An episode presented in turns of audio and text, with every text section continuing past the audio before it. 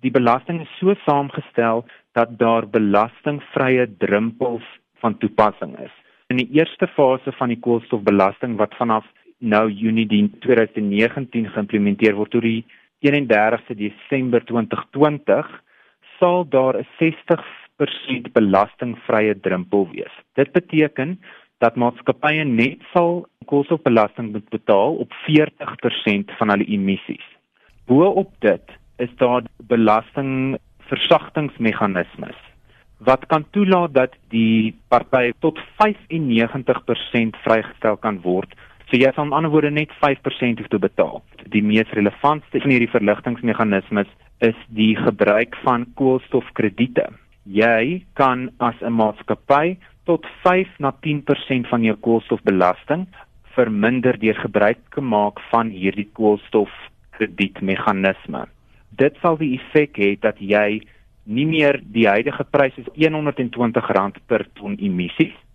As jy van al die verligtingmeganismes gebruik maak, sal jy tussen R6 en R48 per ton van jou emissies betaal. Die koolstofkredietmark is gereguleer deur internasionale reg en 'n koolstofstandaarde waarby jy jou projek moet registreer. Jy moet dan bewys dat daar emissiebesparings plaasvind daardie besparings word krediete dan voorgegee en jy kan dan daai krediete teen jou koolstofbelasting gebruik om jou koolstofbelasting aanspreeklikheid te verminder.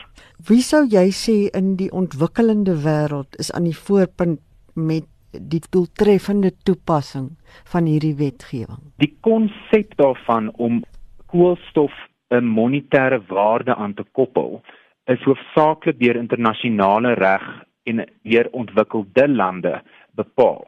Daar's druk van internasionale reg af, miskien die Kyoto protokol of die Parys ooreenkoms van 2015 wat ontwikkelde lande vereis om hulle emissies te verminder.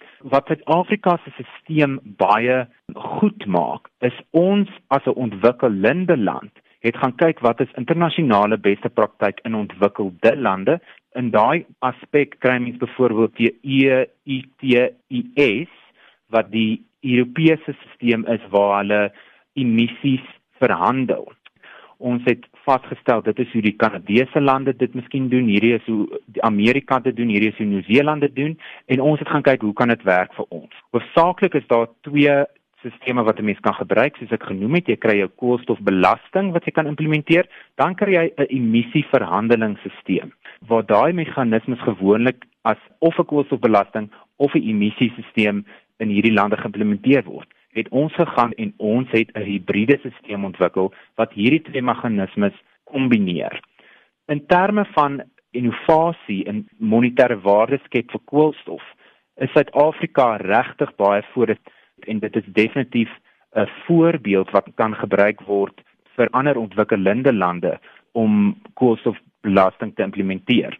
Die koolstofkredietmeganisme is hoofsaaklik gebaseer op hierdie emissieverhandelingsstelsel. Jy het 'n sekere limiet op jou emissies in Suid-Afrika. Jy word belas op daardie emissies, maar dan word jy die geleentheid gegee om koolstofkrediete in die mark te koop.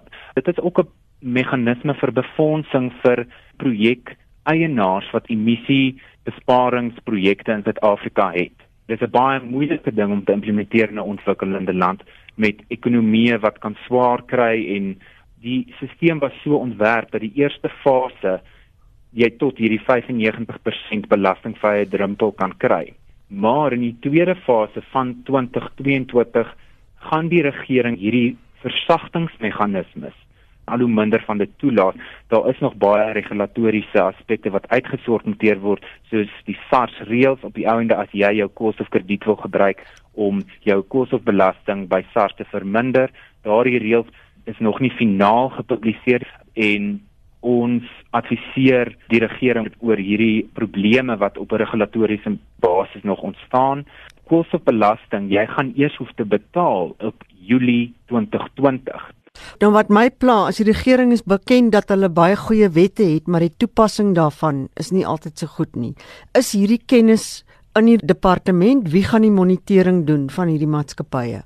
Jy sal dan as 'n maatskappy moet registreer. Die registrasie het alreeds plaasgevind by departement van omgewingsake om te sê die volgende emissies weet jy jy is aanspreeklik voor die maatskappye self gaan monitor wat hulle emissies is dan gaan daardie data na departement van omgewingsake toe en hulle kyk of dit korrek gerapporteer was en jy betaal jou belasting gebaseer daarop.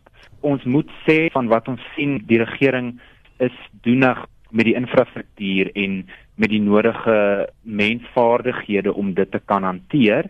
So ons hoop dat die kostebelasting wanneer die dag kom wat daar moet betaal word, dat die nodige in plek sal wees om die wetgewing te kan implementeer.